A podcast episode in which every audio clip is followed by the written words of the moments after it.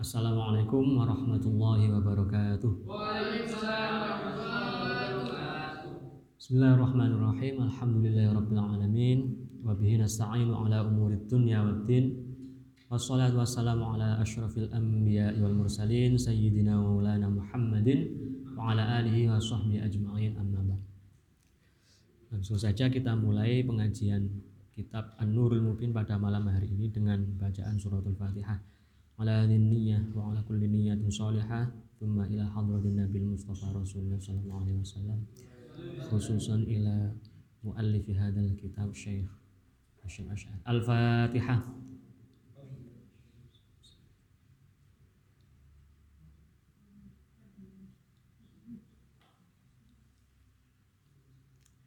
Kemarin sampai halaman 9 ya. Sekarang pasal wujubu munasohah Bismillahirrahmanirrahim. Faslun utawi ikilah fasal fi wujubi munasohatihi.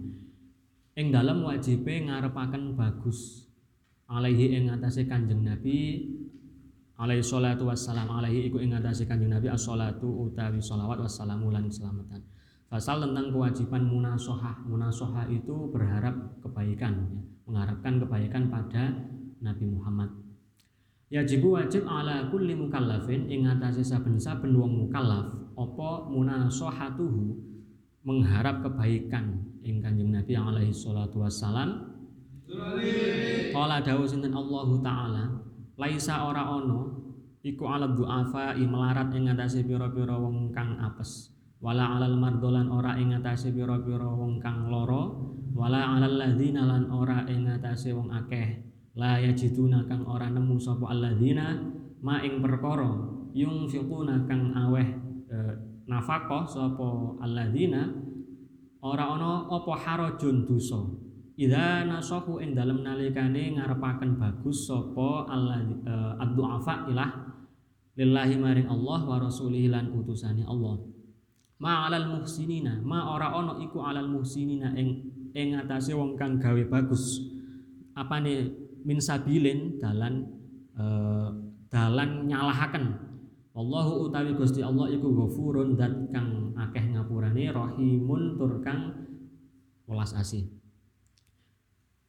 Di pasal ini dijelaskan wajib bagi setiap orang mukallaf untuk munasohah. Munasohah itu berharap kebaikan, ya, mengharap kebaikan dari dan kepada Rasulullah Wasallam.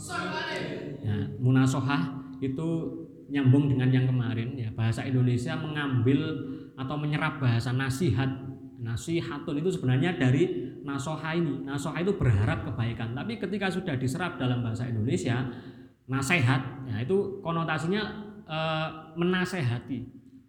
Memberikan pejangan kepada orang lain. Padahal makna sesungguhnya bukan itu ya, tapi ketika sudah diserap mengal, diserap dalam bahasa Indonesia mengalami penyempitan makna ya Cuman mungkin yang di SMA sudah tahu penyempitan makna ini. Tapi di sini munasoha itu berharap, berharap kebaikan, bukan hanya dari segi verbal atau ucapan, tapi juga dalam e, praktek sehari-hari.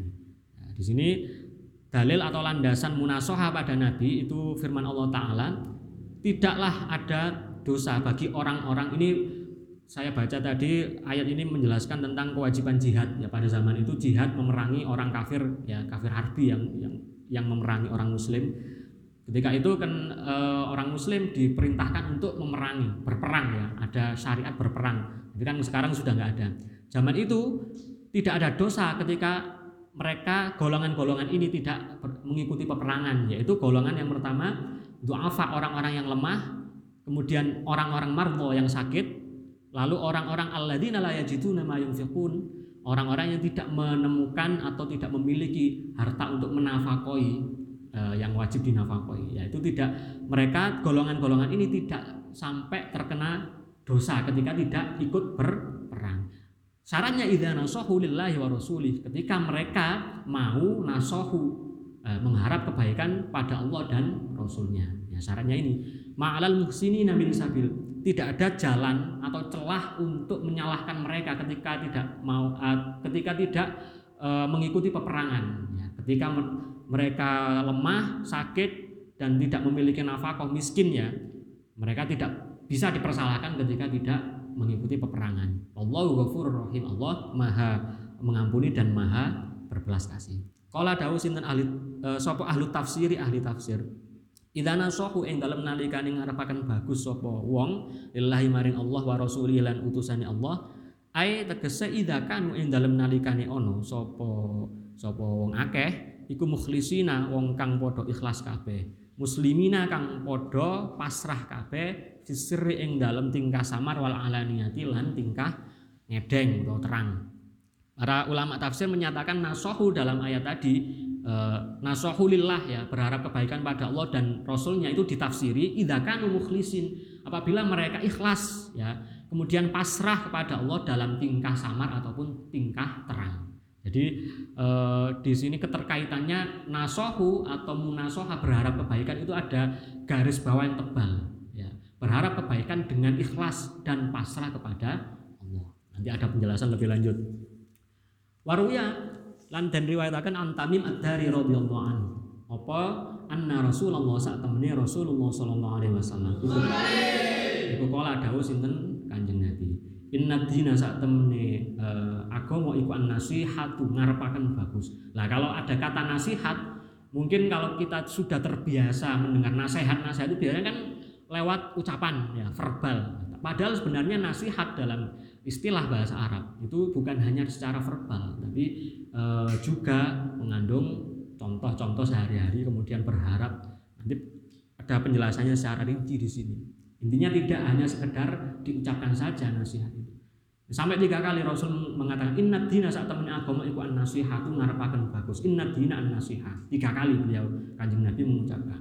Kalau akon sobat sahabat liman maring sinten ya Rasulullah Hei utusannya Gusti Allah. Pada siapa kita mengharapkan kebaikan, mengharapkan nasihat?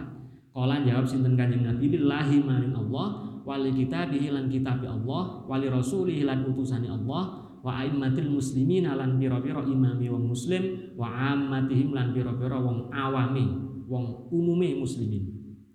Kanjeng Nabi menjawab mengharap nasihat tadi kepada Allah, kitab-kitab Allah, Rasul Allah, imam-imam orang muslim dan orang-orang awam dari golongan orang muslim. Jadi nasihat di sini masih uh, global ya, artinya tidak hanya sekedar ucapan tadi. Terus dijelaskan dari hadis ini di, dipaparkan oleh Kiai Musonef di bawahnya. Fakafa mongko nyukupi apa bihadal hadis iki iki hadis al masyhuri kang masyhur apa nih dalilan dalile ala annan nasihata ing atase sak temene nasihat utawa ngarepaken bagus eh, khabari lillahi maring Allah wali kita lan kitabi Allah wali rasul lan maring rasulnya Allah wali aimmatil muslimin lan maring biro-biro imami wong muslim wa ammati lan wong awami muslim. Iku khabari hmm, anna yo iku wajibatun wajib.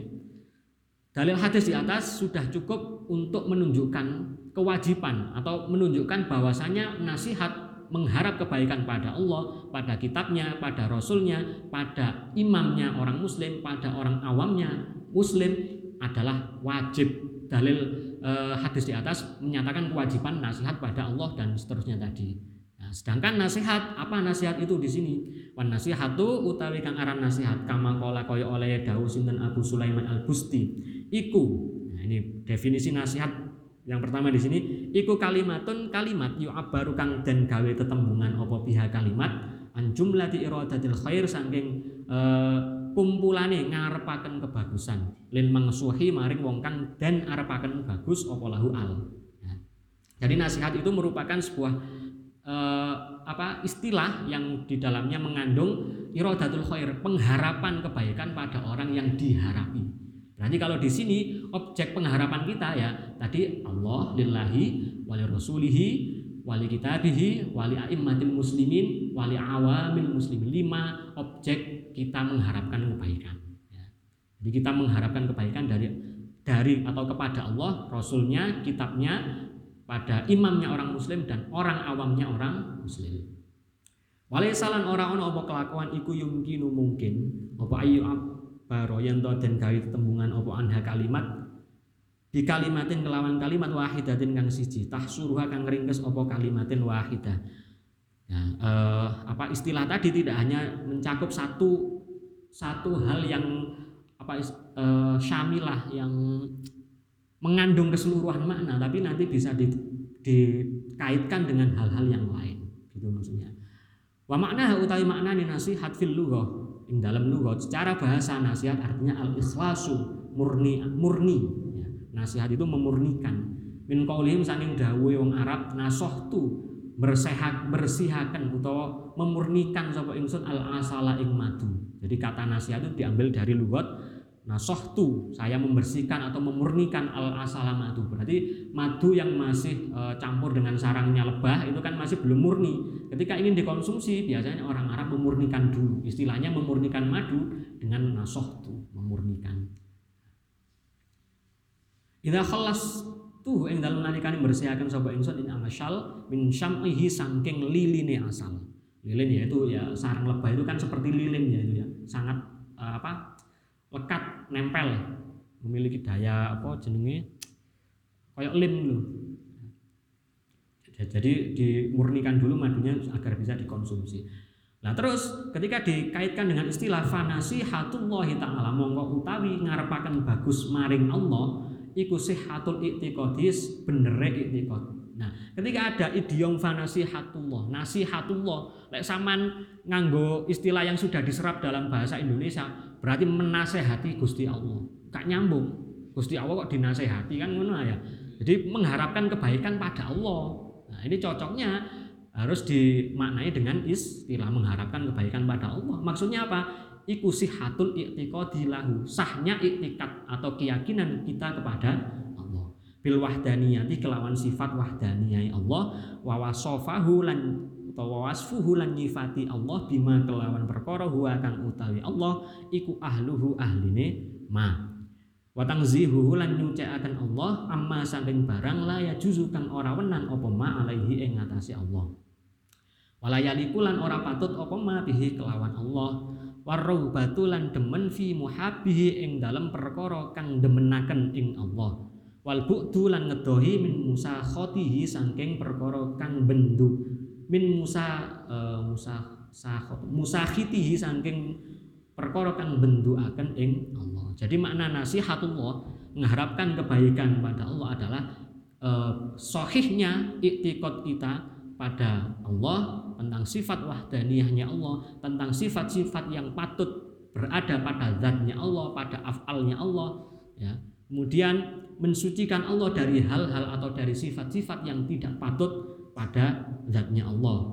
Kemudian e, mencintai atau menyukai hal-hal yang bisa membuat Allah suka. Contohnya ya berbuat kebaikan. Ya, Allah kan menyukai orang yang berbuat kebaikan. Itu berarti kita nasihat kepada mengharapkan kebaikan kepada Allah berarti kita harus melakukan kebaikan karena kebaikan itu adalah hal yang disukai Allah. Jadi sebenarnya makna nasihat itu sangat luas ya tidak hanya sekedar menasehati dalam tanda kutip e, kalimat atau kata yang sudah diserap dan dipersempit maknanya dalam bahasa Indonesia. Nah, itu kepada Allah yang pertama. Kemudian wan nasihatu utawi nasihat li kitabihi maring kitab Allah. Nah ini e, berharap kebaikan pada kitabnya Allah, pada Al-Qur'an. Apa maknanya? Iku al-imanu iman bihi kelawan e, kitab.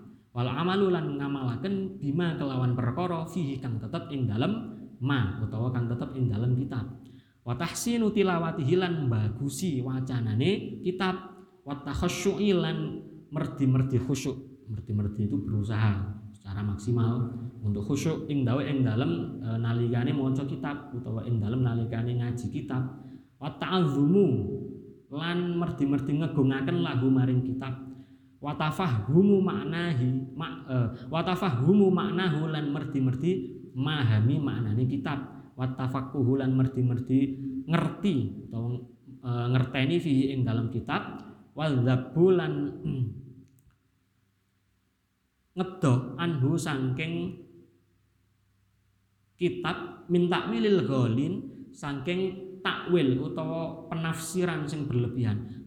Takwilil golin saking penafsirane wong kang ngliwati batas ya. watoknil mulhadin lan nyacate wong kang nyeleweng nah ini yang kedua makna nasihat atau berharap kebaikan pada kitab pada Al-Quran yaitu iman kepada Alkitab kepada Al-Quran ya lalu mengamalkan isi kandungan di dalam Al-Qur'an. Selain itu ada juga tahsinu tilawah, memperbaiki bacaan kita. Ya. Bukan hanya dari segi lagunya saja tapi dari segi makharijul huruf. Kemudian dari segi tajwidnya, lalu takhasyuk selalu berusaha khusyuk ketika berhadapan dengan Al-Quran entah itu membacanya, entah mendengarkan bacaan Al-Quran orang lain, ya. kemudian mengagungkan Al-Quran, berusaha memahami maknanya Al-Quran, berusaha pinter terhadap isi kandungan Al-Quran, lalu menjauhi penafsiran atau penakwilan orang-orang yang melebihi batas dalam penafsirannya. Dan juga uh, istilah tafsir birroi menafsiri Al-Quran dengan pendapat mereka masing-masing dengan seenak nafsu mereka sendiri. Itu golongan kaum-kaum liberal biasanya seperti itu. Menafsiri Al-Quran se seenak atau semaunya sendiri. Tidak tak, tidak dengan landasan ilmu tafsir. Ya. pokoknya menyeleweng dari syariat. Itu di sini diistilahkan takwilul golim menjauh dari takwil atau tafsirnya orang-orang yang menafsiri Al-Quran secara melewati batas. Kemudian menjauhi orang-orang yang suka mencela isi kandungan Al-Quran. Itu kita baru dikatakan bisa nasihat atau mengharapkan kebaikan dari Al-Quran. Terus poin kita yang ketiga wan nasihatu utawi nasihat atau ngarapakan bagus li rasulihi maring utusannya Allah. Nah ini yang kita bahas di sini poinnya ya di sini. E, nasihat li rasul karena pasalnya nasihat li rasul. Iku atas diku beneraken binubu watihi kelawan kenabiane rasul. Wa badlut taati lan nyerahaken ketaatan lahu maring rasul fima ing dalem barang amara kang merintah sapa kanjeng nabi utawa rasul bihi kelawan ma. E, auyan ha utawa nyegah sinten kanjeng nabi anhu saking ma wa nusratuhu lan nulungi ing kanjeng nabi. Nulungi ya menolong menolong bukan dalam artian menolong karena Nabi tidak mampu bukan tapi membantu. Wahimayatuhu lan ngrekso menjaga kanjeng Nabi hayyan eh, ing dalam tingkah sugeng wa mayyitan lan tingkah mati. Wa ihyatus wa ihya sunnatihi lan ngurip-ngurip sunnahe Rasul. Bitolabiha kelawan nyuprih sunnah wa nasyriha lan sunnah. Wa uh, wa dzabbulan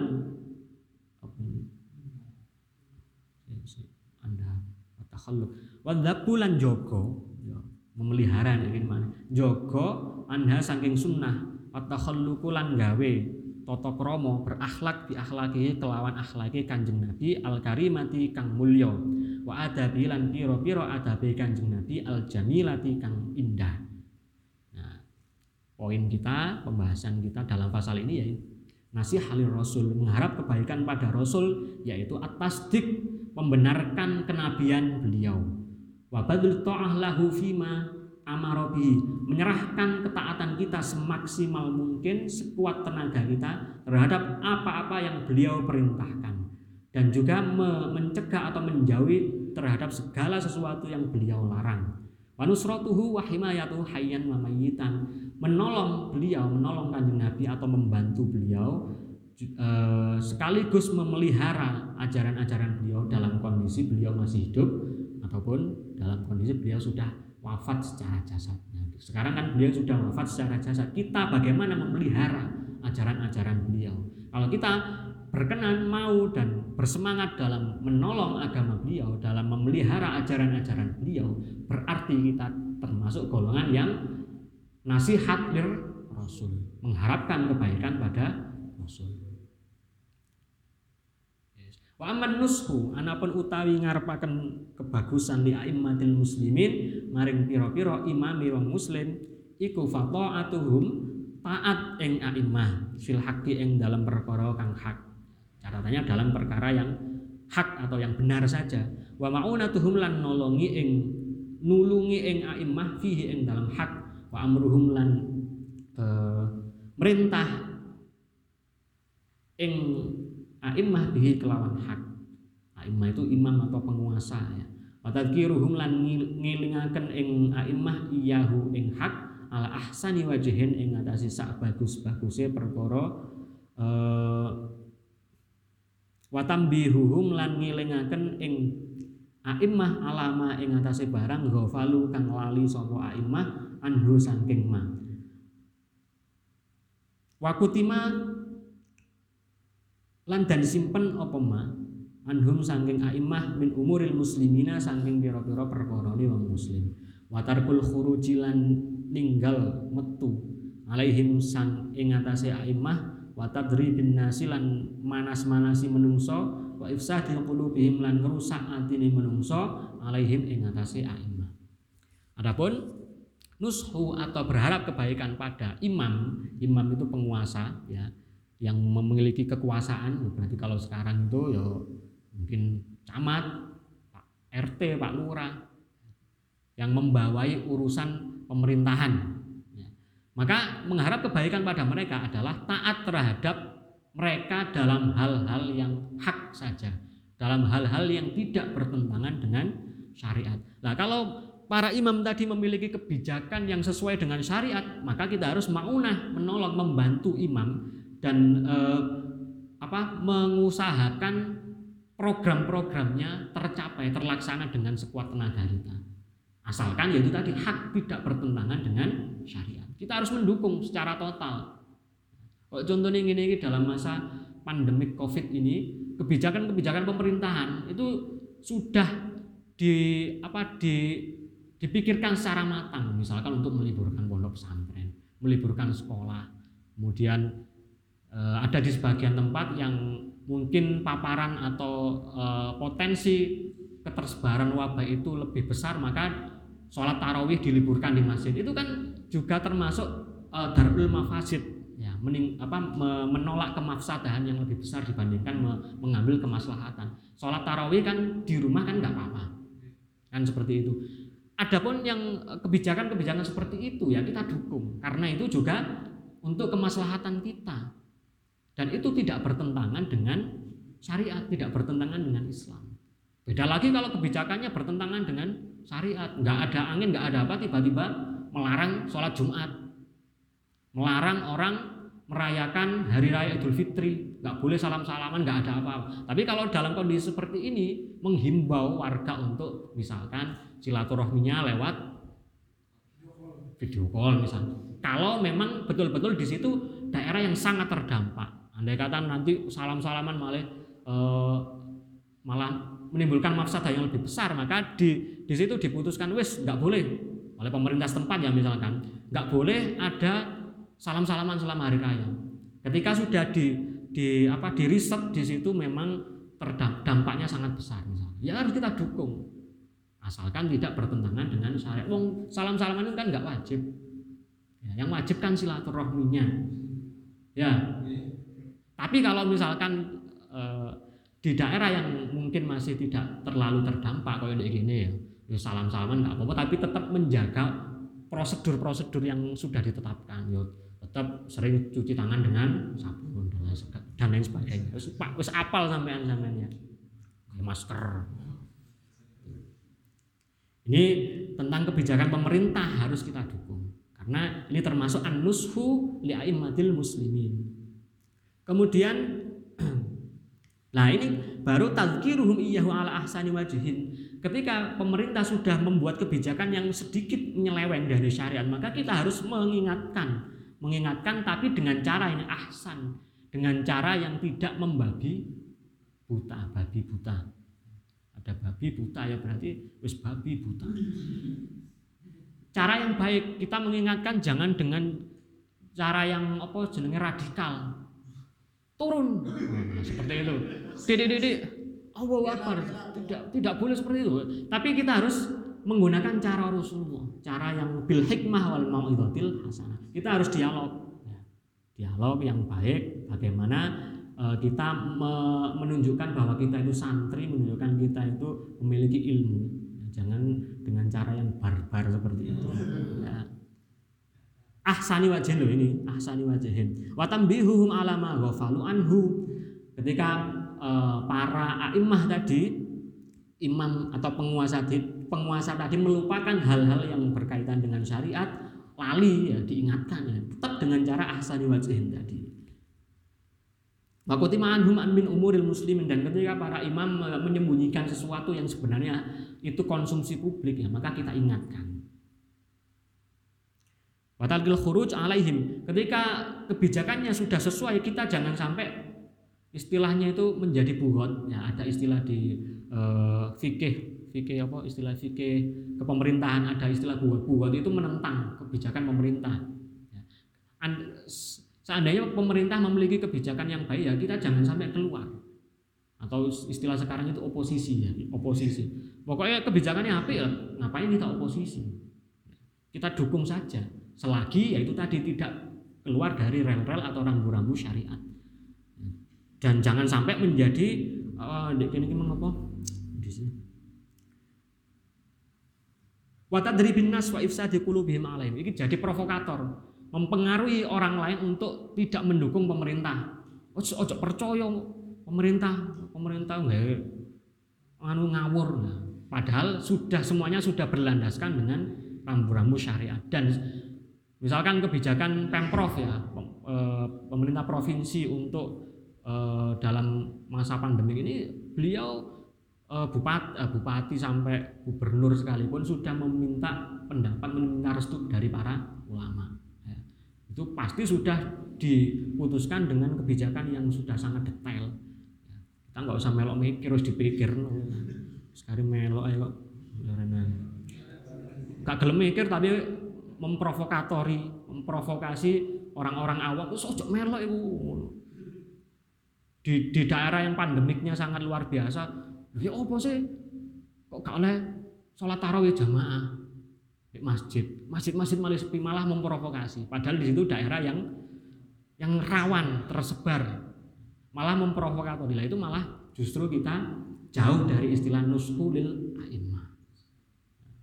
Kita itu sebagai kaum nahdiyin makanya yang mempelajari kitabnya Hadratus Syekh supaya bisa bersikap tawazun, tasamuh itu apal kabeh yang sampean Baru sekarang wanushu di amatil muslimin. Anapun utai ngarepaken bagus di amatil muslimin maring wong awami wong muslim iku irsyaduhum oleh nutuhaken amah ila masolihihim maring pira-pira kemaslahatane amah wa ma'unatuhum lan nulungi ing amah fi amri dinihim ing dalam pira-pira perkara agamane amah wa dunyahum lan dunyane amah bil qauli kelawan ucapan wal fi'li lan penggawean.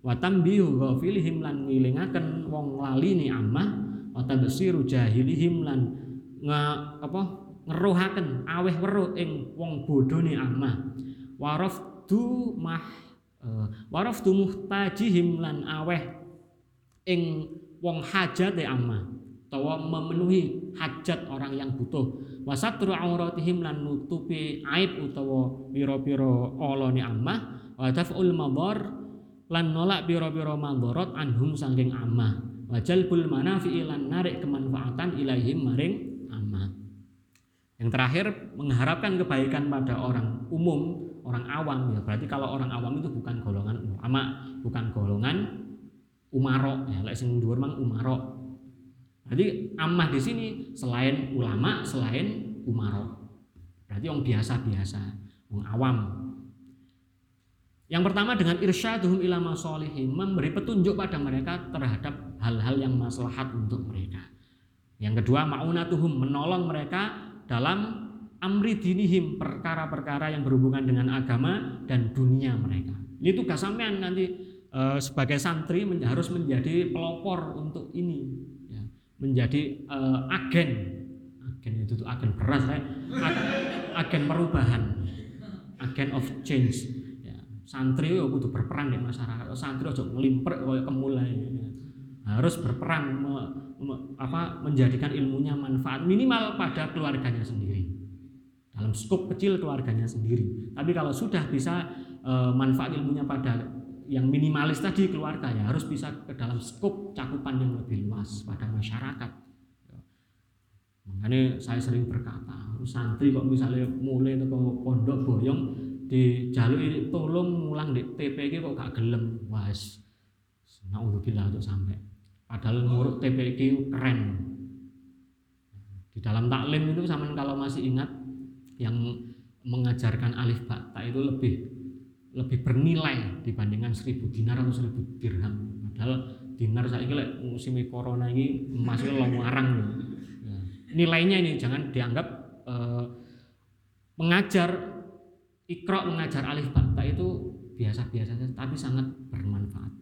Jadi pesannya Kiai Musonef di dalam taklim itu selagi zaman diberi kesempatan untuk mengamalkan ilmu langsung terima. Meskipun zaman misalkan masih belum memahami sepenuhnya apa yang diamanatkan terima saja ojo kakek nolak ojo kakek mungkin mawon si kata sing luwih pinter jangan seperti itu langsung terima saja itu kesempatan bagus untuk sampean mengembangkan keilmuan jadi di sini sudah dipesankan oleh Kiai Musonef oleh Hadratus Syekh kita sebagai santri uh, harus anusku mengharap kebaikan kepada dan dari orang-orang awam. Ya. Jadi orang awam berarti selain golongan umarok dan selain golongan ulama. Fi amri dinihim wa dunyahum kaya iku mang bagi-bagi sembako dari pemprov ya sama harus terlibat nanti itu sama berkeringat ganjaran gede. Bil qauli wal fi'li ya. dengan cara kaul berarti kita memberikan nasihat nasihat kalau kaul itu berarti nasihat secara verbal ya. kalau fi'li memberikan contoh yang baik memberikan contoh yang baik sesuai dengan ilmu yang telah kita pelajari sesuai dengan eh, apa faidah-faidah yang telah kita dapatkan dalam pondok pesantren kita harus menjadi contoh yang baik di kalangan orang awam orang awam yang muslimin watambi wa mengingatkan mereka ketika mereka mulai menjauh dari rel syariat Watafsiru jahili memberitahukan orang-orang bodoh dari kalangan mereka tentang hal-hal yang seharusnya dilakukan. Waraftu muhtajim. Nah ini e, menutupi kebutuhan orang-orang yang hajat. Muga-muga lek ini dadi wong sugih kabeh. Selain sugih ilmu ya sugih bondo. Jadi kalau sampean menjadi orang kaya, maka untuk e, memberikan sodakoh saja yang mungkin gak leren mikir, wah sama inilah. Ada orang yang hutang, oh ya wes kapan iso nyaur tetap ditakoki kapan iso nyaur pinten-pinten ya sak wulan gak apa-apa wis tak utangi tapi lek langsung sak mono gak iso separuh sih nah itu uh, rafdu muhtaj ya, rafdu muhtaj itu berusaha mencukupi kebutuhan orang yang uh, berharap kepada kita wasat auratihim ini juga penting menutupi apa aib ya, menutupi aib orang-orang yang nampak aibnya Berarti kalau ada orang yang salah jangan diumbar kesalahan itu di hadapan umum. Andai kata ada orang yang memiliki kesalahan, ini mengingatkannya jangan di forum, tapi ingatkan japri. Secara japri atau tatap muka, mukanya tatapan. Wataful madhar anhum menolak kemadorotan yang akan terjadi pada mereka. Wajalbul manafi salah satunya dalam masa pandemi ini taful madhar iso dielingno menarik kemanfaatan pada mereka. Nah, sini sudah eh, lima hal, tapi poinnya tadi ya sesuai dengan pasalnya nasihat pada Rasul tadi yang harus kita terapkan. Jadi kitab ini fi mahabbati sayyidil mursalin, mahabbah kepada Nabi itu salah satunya dengan an-nasihah dari Rasul, mengharap kebaikan. Lanjut ya. Wadang kok sih lampu ya. Faslun utawi kila fasal fi wujubi mahabbatihi. Nah, ini. Ing dalam kewajiban cinta demen ing Kanjeng Nabi alaihi salatu wassalam. Yajibu yajibu wajib ala kulli mukallafin ing atase saben-saben wong mukallaf. Apa mahabbatu demen? Cinta ing Kanjeng Nabi alaihi salatu wassalam. Qala Allah sapa Allah azza wa jalla. Kul ngucap sapa sira Muhammad ing kana lamun ono sapa aba hukum pira-pira bapak sira kabeh wa abna hukum lan pira-pira anak sira kabeh wa ikhwanukum lan pira-pira dulur sira kabeh wa azwajukum lan pira-pira bojo. Pira-pira bojo wa asyiratukum lan pira keluarga sira kabeh. Wa amwalun lan pira-pira bondo ya taraf tumuha kang nyuprih utawa kang ngasilaken sapa sira kabeh ing amwal. Wa tijaratun lan dagangan tahsyauna kang kuatir utawa kang wedi sapa sira kabeh kasadha ing rugi tijarah wa masakinu lan pira-pira omah. Masakin.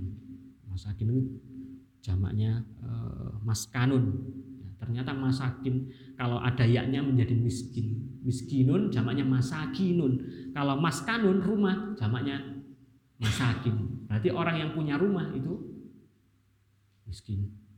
Ya,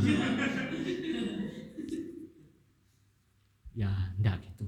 Tapi memang dalam bahasa Arab itu ada saling keterkaitan dalam hal eh, apa susunan kata, susunan kalimat.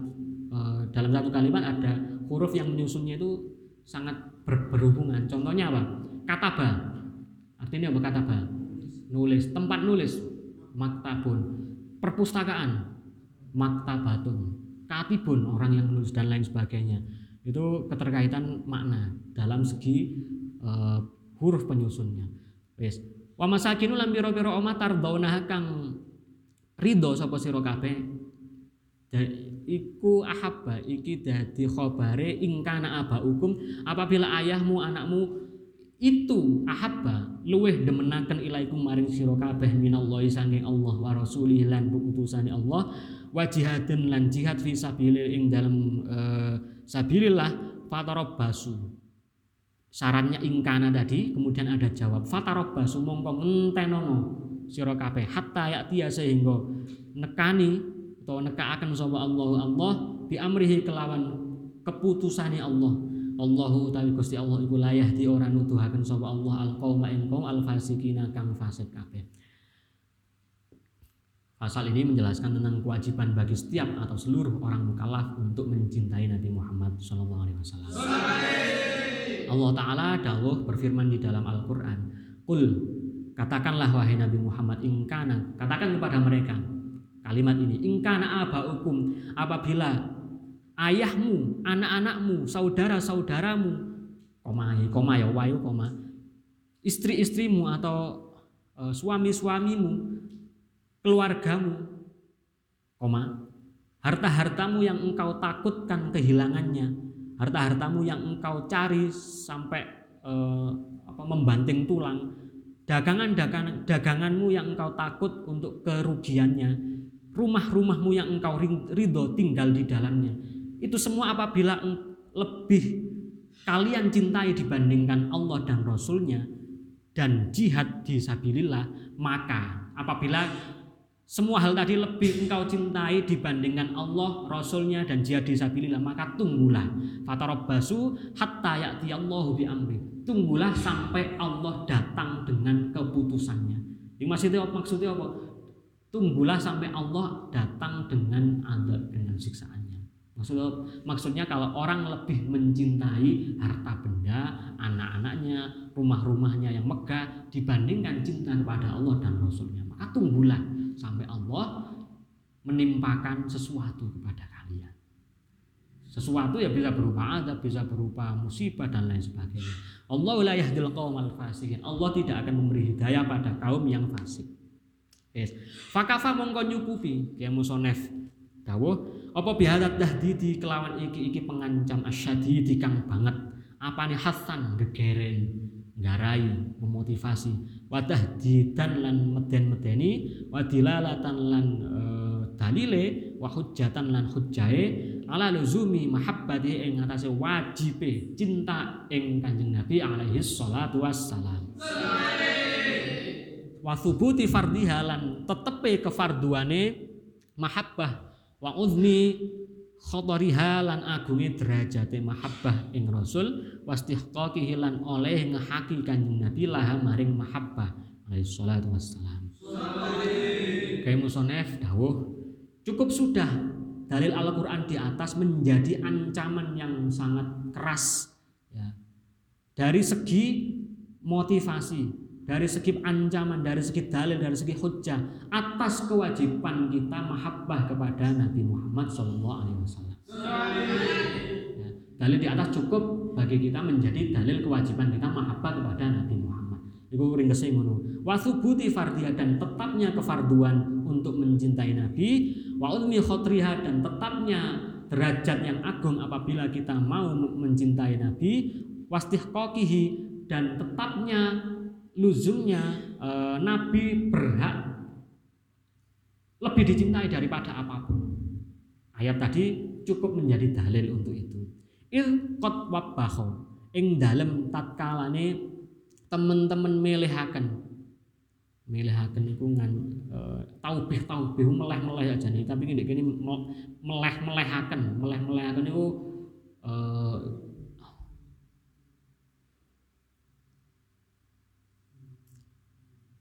ngancam. Ada sebenarnya padanan kata yang lebih tepat selain mengancam.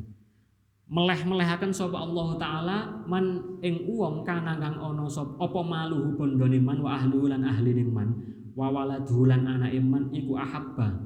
Uh, luweh demenaken ilahi maring man minallahi ketimbang Allah wa rasulih lan rasuli Allah wa au adahum lan ngancam sapa Allah ing man biqauli kelawan dawuh Allah fatarabbasu mongko entenono tunggulah uh, cerita silat tunggu pembalasanku tapi kalau di sini fatarobbasu ini ancaman Allah. Jawab dari ingkana. Apabila kalian lebih mencintai keluarga, lebih mencintai harta benda dan seterusnya tadi, maka tunggulah hatta Allah bi amri sampai Allah mendatangkan keputusannya. Keputusan itu luas, bisa adab, bisa musibah tadinya. Thumma fassaqahum kemudian mengkonuli ngarani fasik sama Allah ing man biqauli kelawan dawuh Allah. Wallahu la yahdil qaumal fasikin. Orang-orang yang lebih mencintai Eh, benda-benda tadi itu disebut fasik oleh Allah. Ya. Wa alamahulan meruhakan sapa Allah ing man annahum ing sak temene man iku mimman setengah saking wong dhalla kang kesasar sapa man. Walam yahdi lan ora nuduhaken ing man sapa Allah Gusti Allah. Yes, ini sudah satu ayat tadi sudah cukup bagi kita menjadi dalil atau landasan tentang kewajiban kita mahabbah kepada Rasul. Seharusnya mahabbah kita kepada Rasul harus lebih tinggi tingkatannya, harus lebih puncak dibandingkan kecintaan kita terhadap materi, terhadap duniawi, terhadap keluarga, ayah, anak, istri dan lain sebagainya. Karena kalau kita sampai lebih mencintai duniawi dibandingkan Allah dan Rasulnya, maka kita disebut oleh Allah sebagai orang yang fasik dan yang tidak akan diberikan petunjuk oleh Allah. Maka sudah sampai batas apa kecintaan kita pada Allah dan Rasulnya. Ya, ini pasal ini harus uh, kita jadikan sebagai kontemplasi, ya. perhitungan muhasabah kita sehari-hari. Apakah kita benar-benar mencintai Allah dan Rasulnya? Apakah bukti kita cinta kepada Nabi hanya kita buktikan dengan sholawat saja? Apakah kita juga sudah mulai berupaya sedikit untuk meneladani Nabi Muhammad dalam keseharian? itu zaman sendiri yang bisa menjawabnya. Kita semua berusaha untuk ke arah sana. Maka lalan dawuh sapa Rasulullah alaihi salatu wassalam la yu'minu ora iman sapa ahadukum salah siji sira kabeh. Hatta aku sehingga ana sapa ingsun iku ahabba luweh demenaken ilahi maring ahad min waladihi sangking anake anake ahad wa walidhi lan wong tuane ahad wan nasilan menungso ajmaina halis kabehane Nah ini e, senada dengan ayat di atas tadi kanjeng Nabi Muhammad pernah dawuh. Kanjeng Nabi Shallallahu Alaihi Wasallam pernah dawuh. Layuk minu ahadukum. Seorang seseorang tidak akan disebut beriman, tidak akan beriman sampai aku, kanjeng Nabi, sampai aku lebih dicintai dibanding anaknya, dibanding orang tuanya, dan dibandingkan manusia secara keseluruhan. Manusia itu yo anak, yo kekasihnya, yo baik, yo pokoknya manusia seluruhnya tidak lebih dicintai daripada Rasulullah.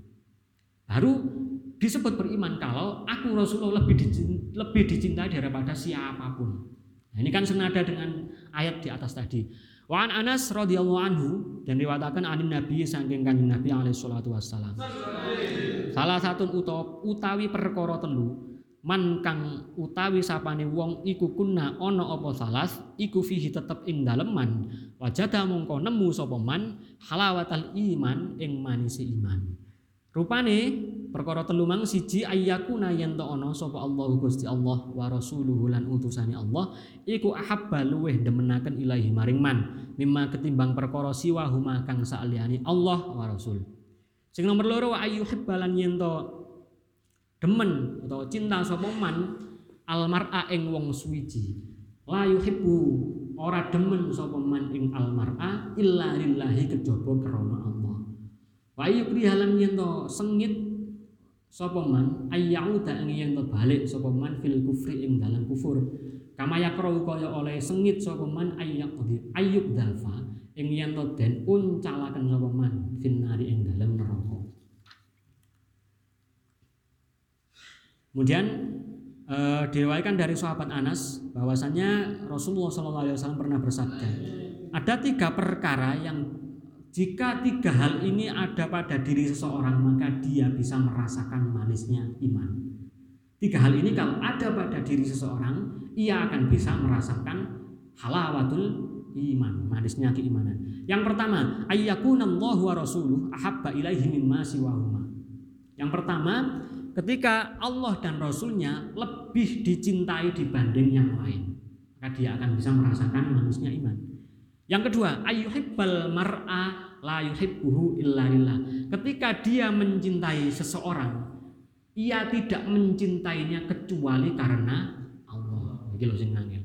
Biasanya apa mana lek sing wong wis mambu-mambu rabi atau mencari jodoh mencintai seseorang itu biasanya karena apa karena parasnya karena senyumnya karena kekayaan dan lain-lain lah itu memang secara manusiawi wajar ya karena manusia ya memang diberikan naluri untuk itu tapi ketika sampean ingin merasakan kecinta eh, apa ingin merasakan manisnya iman ya berusaha cintanya harus lebih tinggi dari itu. Ya, derajat kecintaan sama harus lebih tinggi dari itu. Coba sama cari alasan supaya saya mencintai orang lain itu bukan hanya karena itu. Kalau saya mencintai dia, maka saya akan lebih beriman kepada Allah. Soalnya apa? Aku lek seneng arek iku ning yo, aku kudu lebih giat belajar lek misalnya aku dadi ambek ning iku ya mau gak mau saya kudu pinter maca kitab ya. Itu harus dijadikan sebagai motivasi iku contoh itu. Ya. Jadi la yuhibbu illa lillah. Sama mencintai seseorang harus karena Allah. Like misalnya belum sampai pada tahap ini sama berusaha, pokoknya cari cara supaya cinta itu bukan serta merta karena makhluk saja, tapi harus ada muatan yang lillah. Ya, paham ya? Ngerti sama nih kata ya harus lebih tinggi tingkatan cinta sampean. Karena setiap manusia yang beriman pasti ingin kan merasakan manisnya keimanan. Sama saya tanya, sama orang mukmin kan? Mukmin semuanya, tapi apakah sudah bisa merasakan manisnya iman? Yo kadang bisa, kadang enggak. Kalau ingin bisa merasakan manisnya keimanan, jadikan tiga hal ini ada pada diri sampean. Ya. Yang ketiga, ayyak roha ayyauda fil kufri kama yakrahu ayyaqdifa finnar. Kita harus membenci atau tidak menyukai kembali pada kekufuran, kembali pada masa jahiliyah. Kalau kufur kan nggak mungkin zaman koyoke gak kirane zaman balik kufur. Tapi lek balik jadi mokong mana yang sih mungkin. Biyen sadurunge mondok mokong. Ya, tapi saiki wis mondok sing biyen misuan saiki malah diganti misuit maca istighfar. Nah, jadi kalau ingin ini kalau kufur terlalu jauh ya, saya kaitkan dengan yang keseharian. Kalau sama ingin merasakan ke manisnya keimanan, jadilah orang yang membenci untuk kembali kepada zaman jahiliyah zaman dia. Zaman jahiliyah zaman dia ya apa? Iling kan? Zaman biyen ya apa? Aku biyen senengane ini. Nang wong tua rada ngelama. Aku saiki wis mondok ya kudu api. Ya. Ketika sampean ingin merasakan manisnya iman ya jangan berharap, jangan ada pikiran di dalam hati sampean atau dalam otak sampean untuk kembali pada masa jahiliyah itu. Oh, sing biyen senengane maksiat, saya misalnya pacaran. Ojo sampai balik. Jangan ada terbersit di dalam hati untuk keinginan kembali ke masa-masa jahiliyah itu. Setelah mencintai seseorang itu wajar, tapi cinta dengan hal yang bisa memotivasi kita. Sampai ada seorang ulama like, sama mencintai seseorang dengan cara yang baik, misalnya sama dicabut nyawanya pada waktu itu karena kepedihan cinta. Misalnya sama mati pada waktu itu, sama mati syahid. Lek cara mencintainya benar, tapi lek keliru pacaran sing diumbar-umbar gak karu-karuan itu yo mati sangit. Nah, jadi yang ketiga ini penting, jangan sampai pernah terpikir untuk kembali pada zaman-zaman kelam dulu. Zaman sudah uh, ditempa di pondok pesantren, ditempa oleh di pandai besi, tawudu sini ambek di apa? dipanaskan api itu supaya bisa dibentuk tuang tuang itu kan ditempa itu ya. Jadi sama di pondok ditempa seperti itu sebenarnya. Secara jasad dan secara jiwa. Jiwa dan raga Ya eman-eman tak sama di pondok koyo ngene angele tapi kok dilalang kok misalnya perayaan balik nang zaman jahiliyah mana.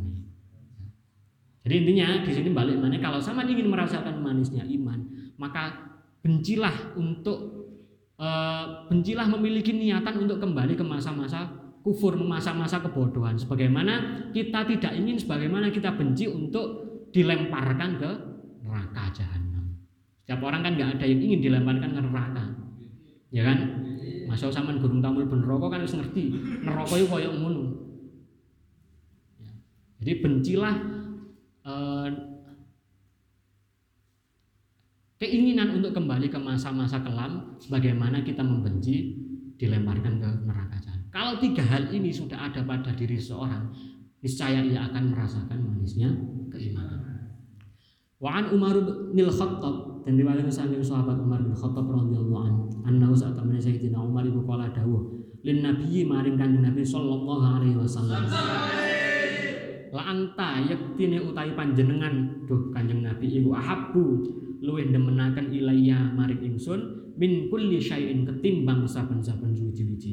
Illa min nafsi kejaba saking awak ingsun. Allati baina jambi kang ana ing dalem sandinge lambung ingsun. Nah ini ini ada cerita agak antik. Ya. Jadi koyoke dialog seperti ini koyoke wis angel ditemukan di masa sekarang. Suatu ketika Sayyidina Umar itu mendatangi kanjeng Nabi mengatakan entah ini hadisnya panjang atau tidak yang jelas ini intinya ya disebutkan di sini wahai Rasulullah ini Sayyidina Umar aku adalah atau panjenengan engkau wahai Nabi adalah orang yang paling aku cintai, zat yang paling saya senangi, paling saya cintai, kecuali diriku sendiri, kecuali diriku, kecuali jiwaku. Sekarang ada kalimat seperti itu mendeklarasikan cinta, tapi ada pengecualian kepada Nabi lagi, yang mengucapkan siapa? Sahabat lagi. Kan agak aneh ya ini ya, aneh. Tapi ya memang terjadi seperti itu. Fakolah Nabi. Kemudian ketika ini istilahnya kan cinta tapi sih diduakno ngono diduakan. Nabi Muhammad loh, ya apa sih Umar ini mencintai aku tapi masih mengecualikan. Akhirnya disindir oleh kanjeng Nabi. Fakola lahun Nabi. Fakola mongko dawuh lahu maring Umar sapa Nabi sallallahu alaihi wasallam. Disindir dengan layu mina ahadukum hatta aku ahabba ilaihi min nafsi. Layu mina ora iman sapa ahadukum salah siji sira kabeh. Hatta aku sehingga ono sopo ingsun nabi iku ahabba luweh dan demeni ilahi maring ahad min nafsihi ketimbang awak dhewe ahad. Sindirannya nggak langsung keliru Umar nggak ngono kan Nabi nyindir. Tapi menyindir dengan umum. Layu mina tidak tidak beriman seseorang di antara kalian sehingga aku Nabi menjadi orang yang paling dicintai dibanding dirinya sendiri ini kan kritikan langsung dikritik tapi ngeritiknya nggak langsung kamu nggak boleh seperti itu Umar. Ya. tapi mengkritiknya secara umum. Ya kritik secara elegan ini loh yang dicontohkan Nabi. Ya. Bil hikmah wal mau'izatil hasanah. Kemudian wong jenenge sahabat sahabat Umar lagi dikritik koyo ngono ya langsung tobat. Ya. Fakola akhirnya Sayyidina Umar jawab imam. Fakola mongko dawuh. Sapa Sayyidina Umar walladzi demi zat angzala kang nurunaken sapa Allah di alaika ing ngatasi panjenengan alkitab ing kitab Al-Qur'an. Mulai saiki lanta yakti, yakti itu kosam ya. Lam kosam yakti utawi panjenengan iku ahabbu luwih demenaken ilayya maring ingsun min nafsi ketimbang awak ingsun alati baina jambe kang tetep ing dalem sandinge e, lambung ingsun ya awakku dhewe. Iki lho kehebatan sahabat ketika dikritik kanjeng Nabi langsung saat itu juga taubat dan mengakui kesalahannya. Beliau Sayyidina Umar ketika disindir seperti tadi langsung menjawab, "Walladzi demi zat yang telah menurunkan Al-Qur'an kepadamu wahai Nabi, mulai sekarang la anta ahabbu panjenengan engkau wahai Nabi adalah orang yang paling yang lebih aku cintai dibanding apa pun, bahkan dibanding diriku sendiri, dibanding jiwaku sendiri." Akhirnya fakola mongko dawo lahu maring Umar sinten an Nabi sallallahu alaihi wasallam al ana ing dalam waktu saiki ya Umaru he Umar ai fi hadzal zaman qadis taqamta yakti teman-teman qadis taqamta teman-teman jejeg sapa sira apane imanan imane wa takammal talang sampurna apane iqonan oleh ngiyakinaken. Mulai saat ini wahai Umar engkau telah sempurna telah tegak keimananmu dan telah sempurna keyakinan Nah, dari dialog ini kita simpulkan bahwasanya Sayyidina Umar pada saat mungkin ini eh, ya masih mungkin ya saya belum sempat mengkaji hadis ini hadis panjang asbabul wurudnya bagaimana tapi kesimpulannya tadi itu Sayyidina Umar pernah menyatakan mencintai Rasul tapi tidak lebih cinta dibandingkan cintanya pada dirinya sendiri. Akhirnya disindir Rasulullah, kemudian beliau langsung taubat menyatakan mulai saat ini wahai Rasul engkau adalah orang yang paling aku cintai melebihi cintaku pada melebihi cintaku kepada diriku sendiri sekalipun. Jadi uswah yang diambil dari sini, teladan yang diambil dari sini ketika meng, diberi nasihat, diberi petunjuk oleh Kanjeng Nabi Sayyidina Umar langsung mengakui, menyadari kekeliruan dan langsung bertaubat. Apa kita bisa seperti itu? Tinggal dikembalikan pada diri kita masing-masing. Kadang lek tengah-tengah ngaji gini, wuyur rek, aku butuh ini. Ya. Tapi lek metu kok.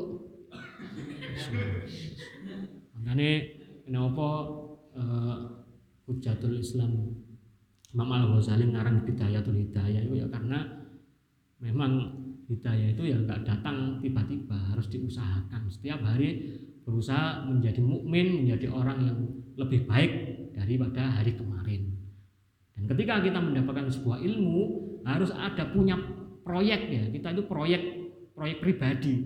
Ada proyek jangka pendek proyek jangka panjang. Proyek jangka pendek apa yang bisa saya uh, praktekkan mungkin dalam minggu-minggu ini? Pemana bulan Ramadan ini apa sing iso tak benahi?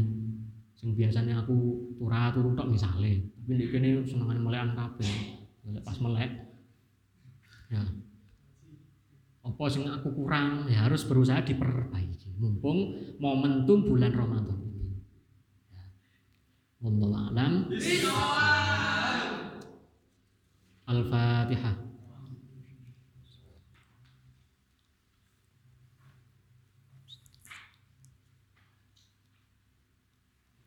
Wassalamualaikum warahmatullahi wabarakatuh.